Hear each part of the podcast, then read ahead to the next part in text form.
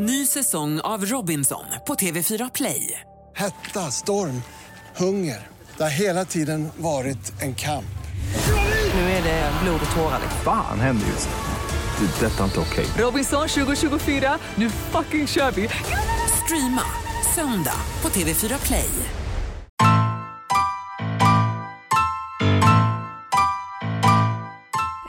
Hej kära lyssnare och välkomna till det här sommaravsnittet. Hej Siddi! Hej Ylva! Alltså det är så roligt att vi gör det här för andra året i rad. Ja, exakt. 7 juli, då bjuder ju vi er lyssnare på 10 avsnitt med, som är Best of kallar vi det. Mm, precis, kan inte du berätta mer? Vad, vad för typ av avsnitt är det? Det? Ja men precis, du och jag har ju suttit och tänkt igenom så här, vilka avsnitt vill vi köra igen? Mm. Och då vill vi ju göra en blandning, precis som vi alltid gör i vår podd, så att det blir olika ämnen. Och vi har tänkt att vi vill börja med två avsnitt som vi har tyckt, som var i början. Vi har gjort snart tio säsonger. Mm. Vi jobbar ju faktiskt med säsong tio just nu. Mm. Men nio säsonger. Mm. Och då kom vi tillbaka till de här avsnitten som har varit väldigt intressanta. Om scientologerna. Ja. Så det kommer ju vara premiäravsnittet på sommarsäsongen. Kommer du ihåg eh, lite Ylva när vi träffade Mariette? Ja, precis. Det var ju ett par år sedan nu. Vi träffade Mariette som hon har ju en helt galen historia liksom. Varit med i ja, scientologerna i USA och eh, ja, nästan 25 år tror jag hon var med. Och eh, hon berättar liksom om hela resan från att bli så här uppvaktad och att fastna för det här spännande som de stod för och sen börja jobba för dem och sen ja, att hamna djupare och djupare in i den rörelsen för att sen, ja, när man väl vill lämna är det nästan för sent. Liksom. Så den eh, berättelsen eh, släppte ju vi då för ett par år sedan och eh, tänker att den ska få rulla här igen nu då i sommar. Ja, och den är ju väldigt eh, intressant så att det känns ju klockrent mm. att ta den igen. Så det är verkligen ett tips. Mm. Precis. Och här kommer lite ur det avsnittet. All den här hjärntvätten efter de här, de här många åren, alltså varje dag hade vi fått höra att vi var den mänsklighetens enda hopp och när man hör det varje dag, man börjar tro på det. Vi ska höra Mariettes berättelse om sina 25 år som medlem i scientologerna. Man vaknar inte på morgonen och säger nu ska jag gå med i en sekt utan det är något som tar väldigt lång tid och när man väl går med så är man helt säker på att inte det är en sekt tror jag. Det är i slutet av 70-talet. Mariette är 19 år, har precis tagit studenten och känner att hon är trött på att bo i sin hemstad Halmstad. Eh, och eh, ville bara göra vad som helst för att komma bort därifrån. Ville inte studera vidare, var trött på att sitta i skolbänken. Och ehm, eh, letade väl efter spänning kanske i livet. Och eh, hade en pojkvän som var fem år äldre och det betyder ju mycket när man är 17-18. Jag lyssnade mycket på honom. Och han blev intresserad av scientologerna och långsamt började dra in mig som redan var väldigt skeptisk. Eh, jag läste böcker, vi gick på några föredrag och sen efter ungefär ett år så flyttade vi ner till Malmö, till kyrkan där och, och började ta kurser där. Så det var så jag först drogs in. Vem som helst kan ramla dit. Va? Vi pratar också med Staffan Rosander på Stiftelsen Fri. En stödförening för människor som förlorat vänner eller anhöriga till en destruktiv rörelse. Hamna i ett olämpligt sammanhang så att säga. Men jag skulle tro att det finns en, en viss eh, statistisk eh, övervikt för sådana som är idealistiska för sådana som eh, har intresse för, för andliga religiösa frågor.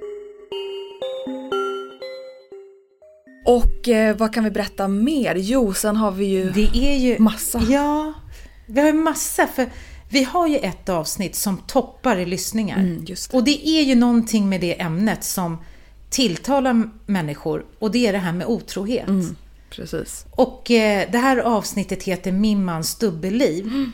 Och det handlar om en kvinna som berättar om den jobbigaste krisen i hennes liv. När hon upptäcker att hennes man mer eller mindre lever ett parallellt liv med en annan kvinna. Ja, det kanske är så att otrohet är vanligare än vad man tror. Så det är därför jag tror att det berör väldigt många, att det är därför många lyssnar. Mm. Och det tycker jag är bra med våra, med våra mm, avsnitt, att det är väldigt ofta man kan spegla sig själv mm. i det antingen en expert säger eller det någon av våra huvudpersoner berättar. Mm. Så att man liksom kan reflektera över sitt eget liv eller... Ja, precis. Ja. Och i det här avsnittet då pratar vi också med Maria Farm som man bland annat har sett i SVTs Gift vid första ögonkastet. Och hon pratar om otrohet och liksom, ja, hur man kan bearbeta det om man har blivit utsatt för det och kan man komma vidare som par. Eh, ja, massa bra eh, råd och så från henne som expert på just ja. Eh, parrelationer. Och hon är ju, väldigt, hon är ju psykolog så hon vet ju verkligen vad hon pratar mm. om. Det, det är ett fint avsnitt ändå. Mm. Och här kan vi lyssna på det här avsnittet.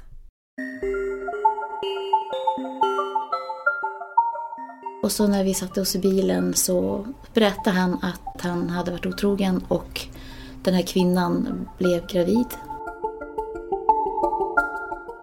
Det här avsnittet ska handla om otrohet. Så det är ju det är inte ba, bara inom citationstecken eh, aha, du har svikit mig, utan det handlar ju om att hela livet på något sätt rasar. Vi ska höra Lailas berättelse om hur det är att bli sviken av sin livspartner efter 25 års äktenskap. Det här med otrohet är ett så, så brett begrepp. Vi hör också psykologen Maria Farm om varför man är otrogen och hur man kan gå vidare. Det kan ju vara olika saker. Det kan vara en engångshändelse men det kan också vara något som har pågått i flera år ju faktiskt.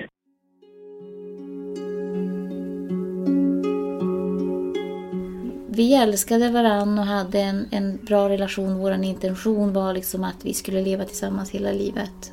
Laila och hennes man träffades på högstadiet. De har tre barn tillsammans och hade varit gifta i 25 år. Det fanns väldigt starkt i oss. Men däremot hade vi kommit ifrån varandra närhetsmässigt kan man säga. För att eh, han var egenföretagare med flera företag, jobbade mycket. Det blev väldigt lite tid för oss som par. Och eh, det här är ju väldigt också, tror jag man kan säga, klassiskt manligt kvinnligt. Sen kan det också vara ombytta roller ibland, men det här att kvinnan gärna vill ha närhet och kontakt liksom känslomässigt, prata och ha tid för varandra för att bygga upp för sex. Medan en man kan mer slå på knappen och sen så är man där och då, en, den stunden och sen så går man och gör sina egna grejer igen.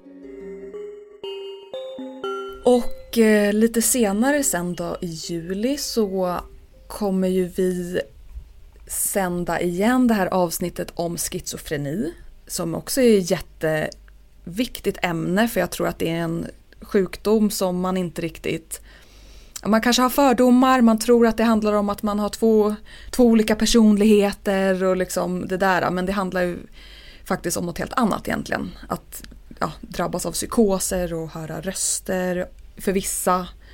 Och det kan vara jätte, jättetufft. Ja.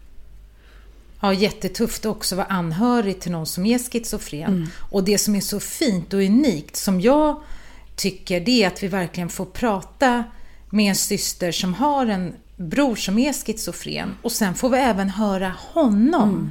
berätta om hur det är att leva med schizofreni. Mm. Och det tycker jag är rätt unikt, att man faktiskt får höra det, rösterna som verkligen lever med det här. Ja, precis. Verkligen. Så vi kan lyssna lite på en del ur avsnittet här.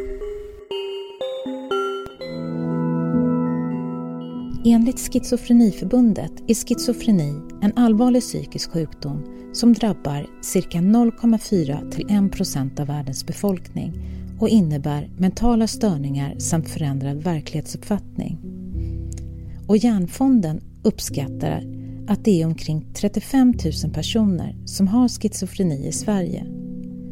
Så vad innebär det mer av att lida av schizofreni och hur är det att vara anhörig? Vi har träffat Åsa, vars storebror insjuknade i 20-årsåldern. För att när jag kliver in i min pappas lägenhet så hör jag att han är i köket. Och när jag kliver över tröskeln till köket så ser jag min storebror fast i en helt annan dimension. Och vi hör också Åsas fem år äldre bror, Mats, om hur hans liv och vardag med sjukdomen ser ut. Det har väl lugnat ner sig nu för tiden. Jag har ju bara en röst åt gången. När jag blev sjuk 1988 då skrek ju hela Sverige åt mig.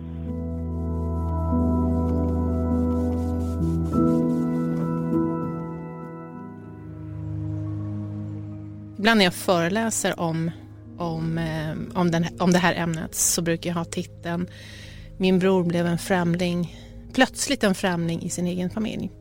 För för mig kom det som en blixt från, från klar himmel. Det är en sommardag. Året är 1988 och Åsa är 14 år. Och hon har varit på sin första utlandssemester. Jag har flugit flygplan för första gången, jag har ätit tzatziki för första gången, jag är brunbränd. Jag har klappat eh, föräldralösa katter och jag riktigt längtar efter att få berätta det här i skolan. För jag ska börja nionde klass till hösten. Och äntligen ska jag få berätta någonting coolt. Du vet det här första, eh, första redovisningen man hade när man började, började skolan sommaren 1988. Och äntligen har jag gjort någonting som, som jag är eh, stolt över att kunna presentera. Ett poddtips från Podplay. I podden Något Kaiko garanterar östgötarna Brutti och jag, Davva, dig en stor dos skratt. Där följer jag pladask för köttätandet igen. Man är lite som en jävla vampyr. Man har fått lite blodsmak och då måste man ha mer. Udda spaningar, fängslande anekdoter och en och annan arg rant. Jag måste ha mitt kaffe på morgonen för annars är jag ingen trevlig människa. Då är du ingen trevlig människa, punkt. Något Kaiko, hör du på Podplay. Därför är gardinerna. Vi brukar ofta prata om att vi har lite olika teman för säsongen, att vi försöker mixa i alla fall fyra, fem teman. Det kan vara parapsykologi, eh, psykisk ohälsa, brott och straff, eh, slutna rörelser och relationer och så. Så att liksom nästa avsnitt vi har valt att lyfta fram för sommaren det är ju då lite mer brott och straff. Och där träffar ju vi då Birgitta som har en också väldigt spännande historia. Kan inte du berätta om Birgitta?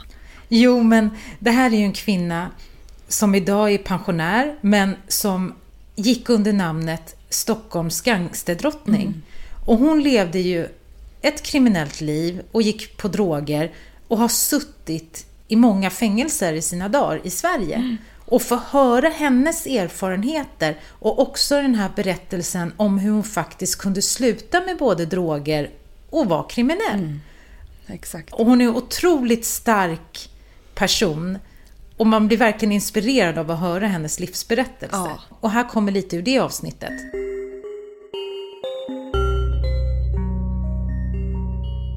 Jag var 12 år när jag började prostituera mig. Då hade jag blivit våldtagen ytterligare en gång utav en lastbilschaufför. Och jag trodde att det var bara knarkarna och alkoholister och kriminella som kunde acceptera mig för den jag var. De kommande två avsnitten ska handla om kvinnor i svenska fängelser. Vilka är de? Och hur har de hamnat där? För har man tillbringat 16 år på kåken så sätter ju det spår. Både i beteenden och, och som sagt, nej jag var ingen bra mamma helt enkelt. Vi ska börja med Birgittas berättelse. Hon är idag 78 år och lever ett vanligt liv med flera barn och barnbarn. Men som tonåring blev hon utnämnd av media till Stockholms gangsterdrottning och kom att spendera 16 år av sitt liv på olika institutioner. Både psykiatriska avdelningar och fängelset Hinseberg. Ganska ofta så syns och märks inte faktiskt. I avsnittet hörs också Denise Madsen, en av grundarna till organisationen Maskrosbarn, som stöttar barn med svåra hemförhållanden. För att som barn eh, som har det så här hemma blir man ju också en expert på att dölja hur mm. man mår och hur det är eftersom att det här ofta är kopplat till ganska stor skuld och, och skam. Så att man blir duktig på att liksom dölja hur man har det.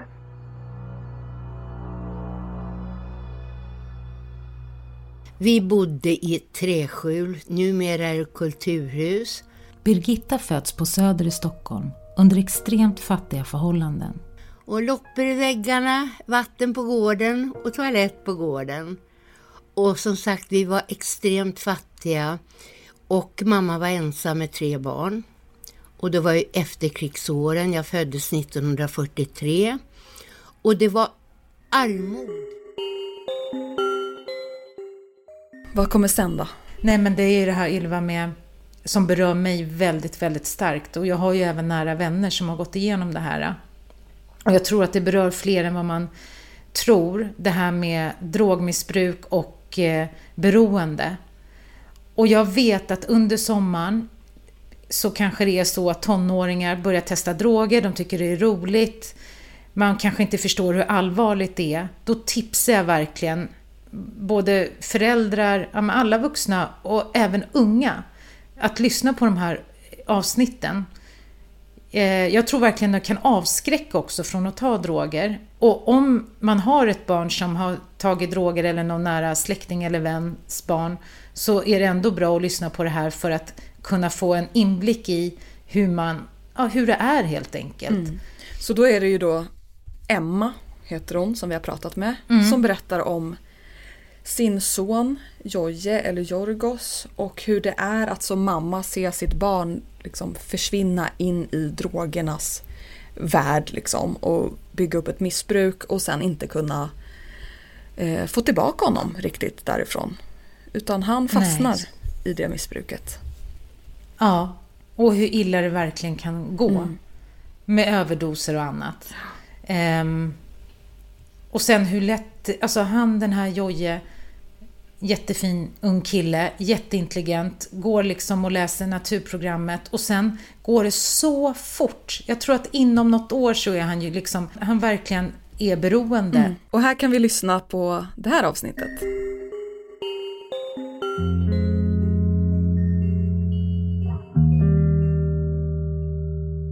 Så, så gick det så himla snabbt innan han började med Spice och han började med tabletter och då stoppade han inte i sig en tablett utan han snodde sin farmors tabletter och då var det liksom hela kartor med hennes mediciner.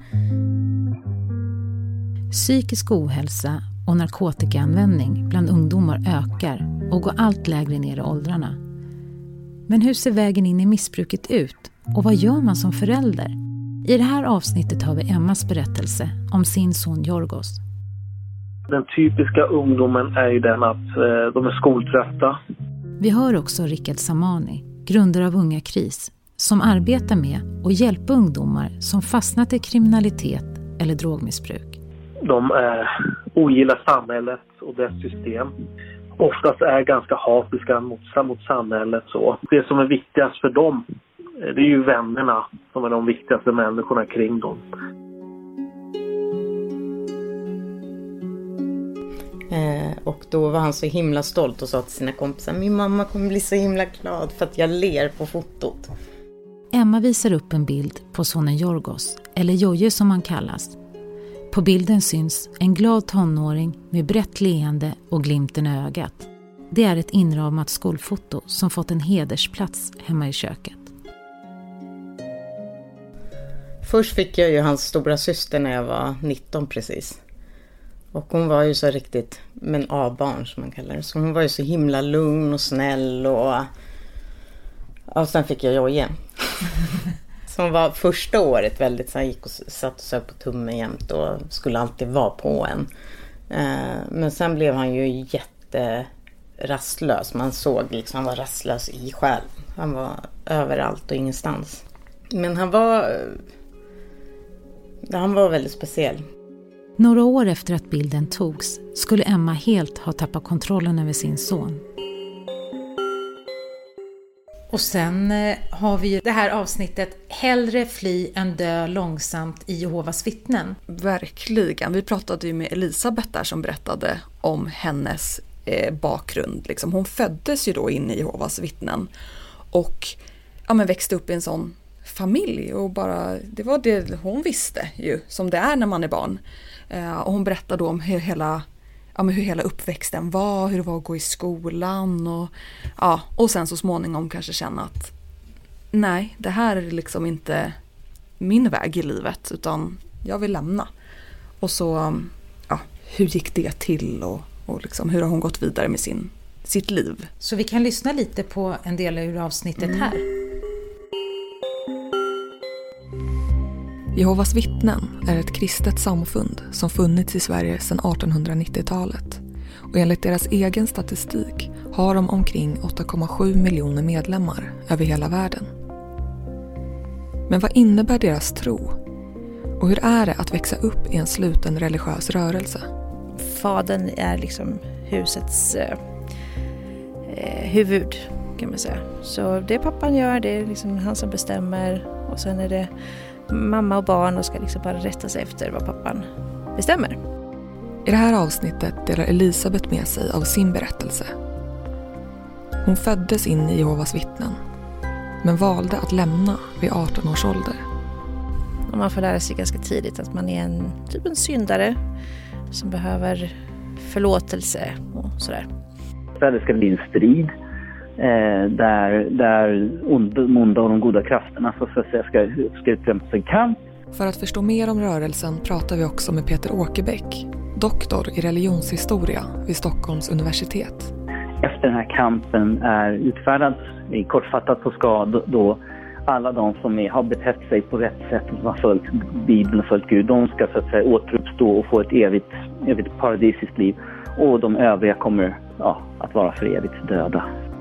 Jag är ju uppvuxen eh, som ett Jehovas. Vi hör också psykolog Marianne Englund som stöttar avhoppare från slutna rörelser och som själv vuxit upp i Jehovas. Och är, jag ska säga, tredje generationen var jag.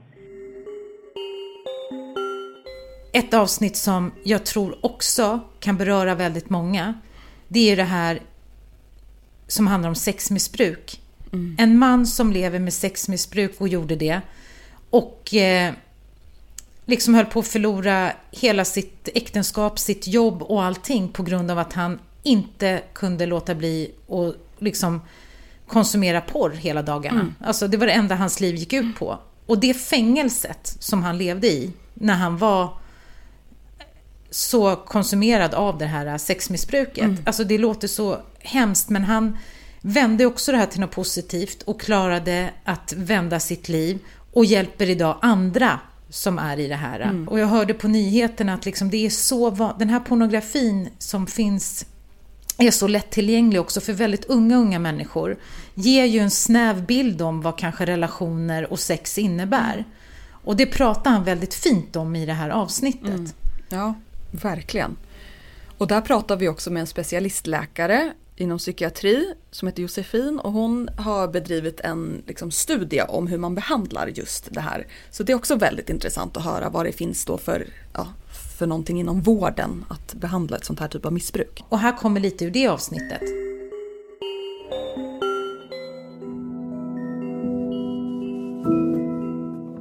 Vad innebär det att vara sexmissbrukare, eller sexberoende som man även kallar det? Och varför utvecklar man det? I det här avsnittet träffar vi Erik som berättar om en period i sitt liv där han var sexberoende och hur han tog sig ur det.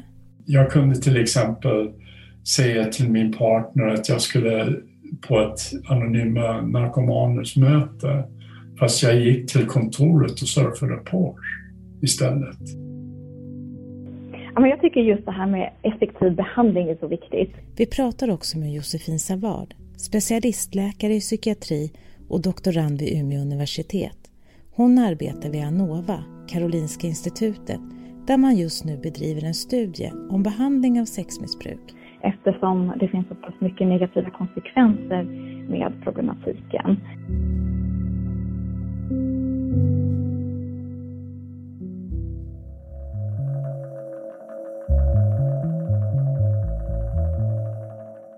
När jag var eh, 13 år så började jag röka marijuana. Då, och, eh, eh, Eriks berättelse börjar redan när han var ung tonåring i USA, där han växte upp. Hans pappa är död och hans mamma bor i Sverige. Jag åkte fast för, för att jag smugglade marijuana från Mexiko när jag var eh, 18 år gammal. Så jag åkte fast med 10 kilo. Och, så att jag fick ett val av myndigheterna i USA att stanna kvar i USA, ta mitt fängelsestraff Och då skulle de, som de sa, se till så att jag hamnade i lumpen. Det här var under Vietnamkriget. Eller flytta hem till mamma i Sverige. Och sen då eh, också jätteviktigt ämne som vi är väldigt stolta över att ha gjort det här avsnittet ju. Och det heter Jag blev misshandlad av min fru. Och det var också ett av de tidigare avsnitten som vi släppte i podden och väljer nu att lägga ut det igen här i sommar. För att det tar upp det här som är för vissa kanske lite kontroversiellt att prata om att män också kan bli misshandlade av sina partners. Även av kvinnor alltså. Eh, både psykiskt och fysiskt. Det finns män som söker hjälp för det och eh, vissa eh, lever liksom skyddat för att eh, klara av det. Och eh, blir kanske inte alltid eh, trodda på i och med att samhället har en annan typ av eh, norm kring liksom könsroller och sådär.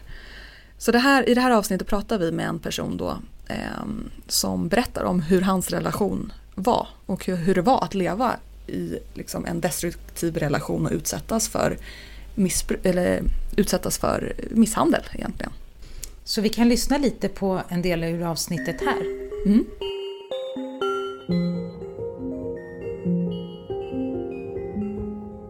Det är ju så att man liksom man har ju blivit våldtagen helt enkelt. Och, och man är inte så, det är inte så kul att ha sex när man har blivit våldtagen helt Det är svårt att nå ut med att, att män blir misshandlade i nära relationer, både ver, verbalt och, så, och, och psykiskt och, och faktiskt eh, även på alla sätt. Det är ingenting som är självklart för gemene man. Kan en man bli våldtagen eller misshandlad av sin partner?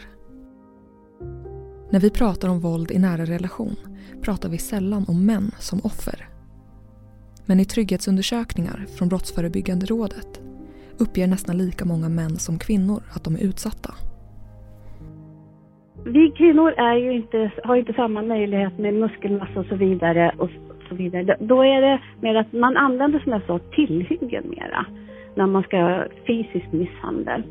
Psykisk misshandel tror jag att vi tjejer är lika duktiga på, eller om man nu ska använda det uttrycket, eh, på att kunna använda det verbala språket, att kunna förminska och, och så vidare. Jag var ju rädd hela tiden i stort sett. Jag levde ju i en skräck. Så, liksom, liksom låg hon och sov i öppna kylskåp och det lät för mycket. Då blev jag rädd att, att, att jag skulle väcka henne eller någonting. Eller, och, ja, det kan ju vara, skulle jag gå ut med soporna och sa att ni måste vara tystare. Liksom, då, ja, då, då blev det ju det liksom, att man måste vara tyst när man går ut med soporna. Det blev liksom, tänk när man går in i, det blir så svårt för man går in i en mikronivå med allting. Liksom. Man, man, Per blev fysiskt och psykiskt misshandlad av den kvinna han levde med i över 15 år och som han även fick barn med. Han vill i det här reportaget vara anonym. Därför har vi förvrängt hans röst och bytt ut hans namn. Alltså när vi träffades, hon, det som var kanske annorlunda för mig att det var en människa som verkligen beundrade mig för det jag gjort och det jag arbetade med. Och, alltså det, och det jag jobbade med då. Och, och, och, det var kanske svårt att finna någon. Vi hade jätteintressanta samtal om de här sakerna och sånt där. Men, men de här tendenserna, de liksom... De började väl kanske direkt på tre månader bara. Men är man väldigt förälskad i någon då, då är det väldigt svårt att förstå det. Att det här är något, akta efter tusen, det här är farligt liksom. Det var ju lite kring den här sommarsäsongen. Mm. Och vi vill också avsluta med att säga hur tacksamma vi är för alla ni som lyssnar. Mm. Eh, det är för, faktiskt för er vi gör den här podden, mm. jag och Ylva. Verkligen, och efter alla år så ser vi att vi har ju faktiskt ett gäng väldigt, väldigt trogna lyssnare. Och det är jättekul att ni fortsätter lyssna för att ämnena och personliga berättelser, det tar aldrig slut. Utan vi kan ju hålla på hur länge som helst. På tal om det så kommer ju vår tionde säsong till hösten, så det blir ju lite våran jubileumssäsong. Mm, och du och jag, Ylva, jobbar ju stenhårt med den nu i dagarna också. Ja. Jag satt och korrekturlyssnade häromdagen på ett avsnitt du hade klippt klart, så att eh, still going on, Ja, man säger. slutet på oktober kommer det ännu mer nya avsnitt. Men du Ja. Siddi, du eh, får ha en underbar sommar nu. Det är du värd.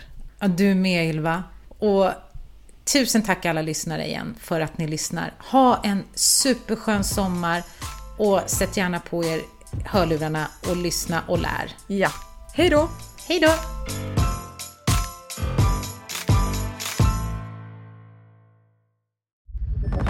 Podplay, en del av Power Media.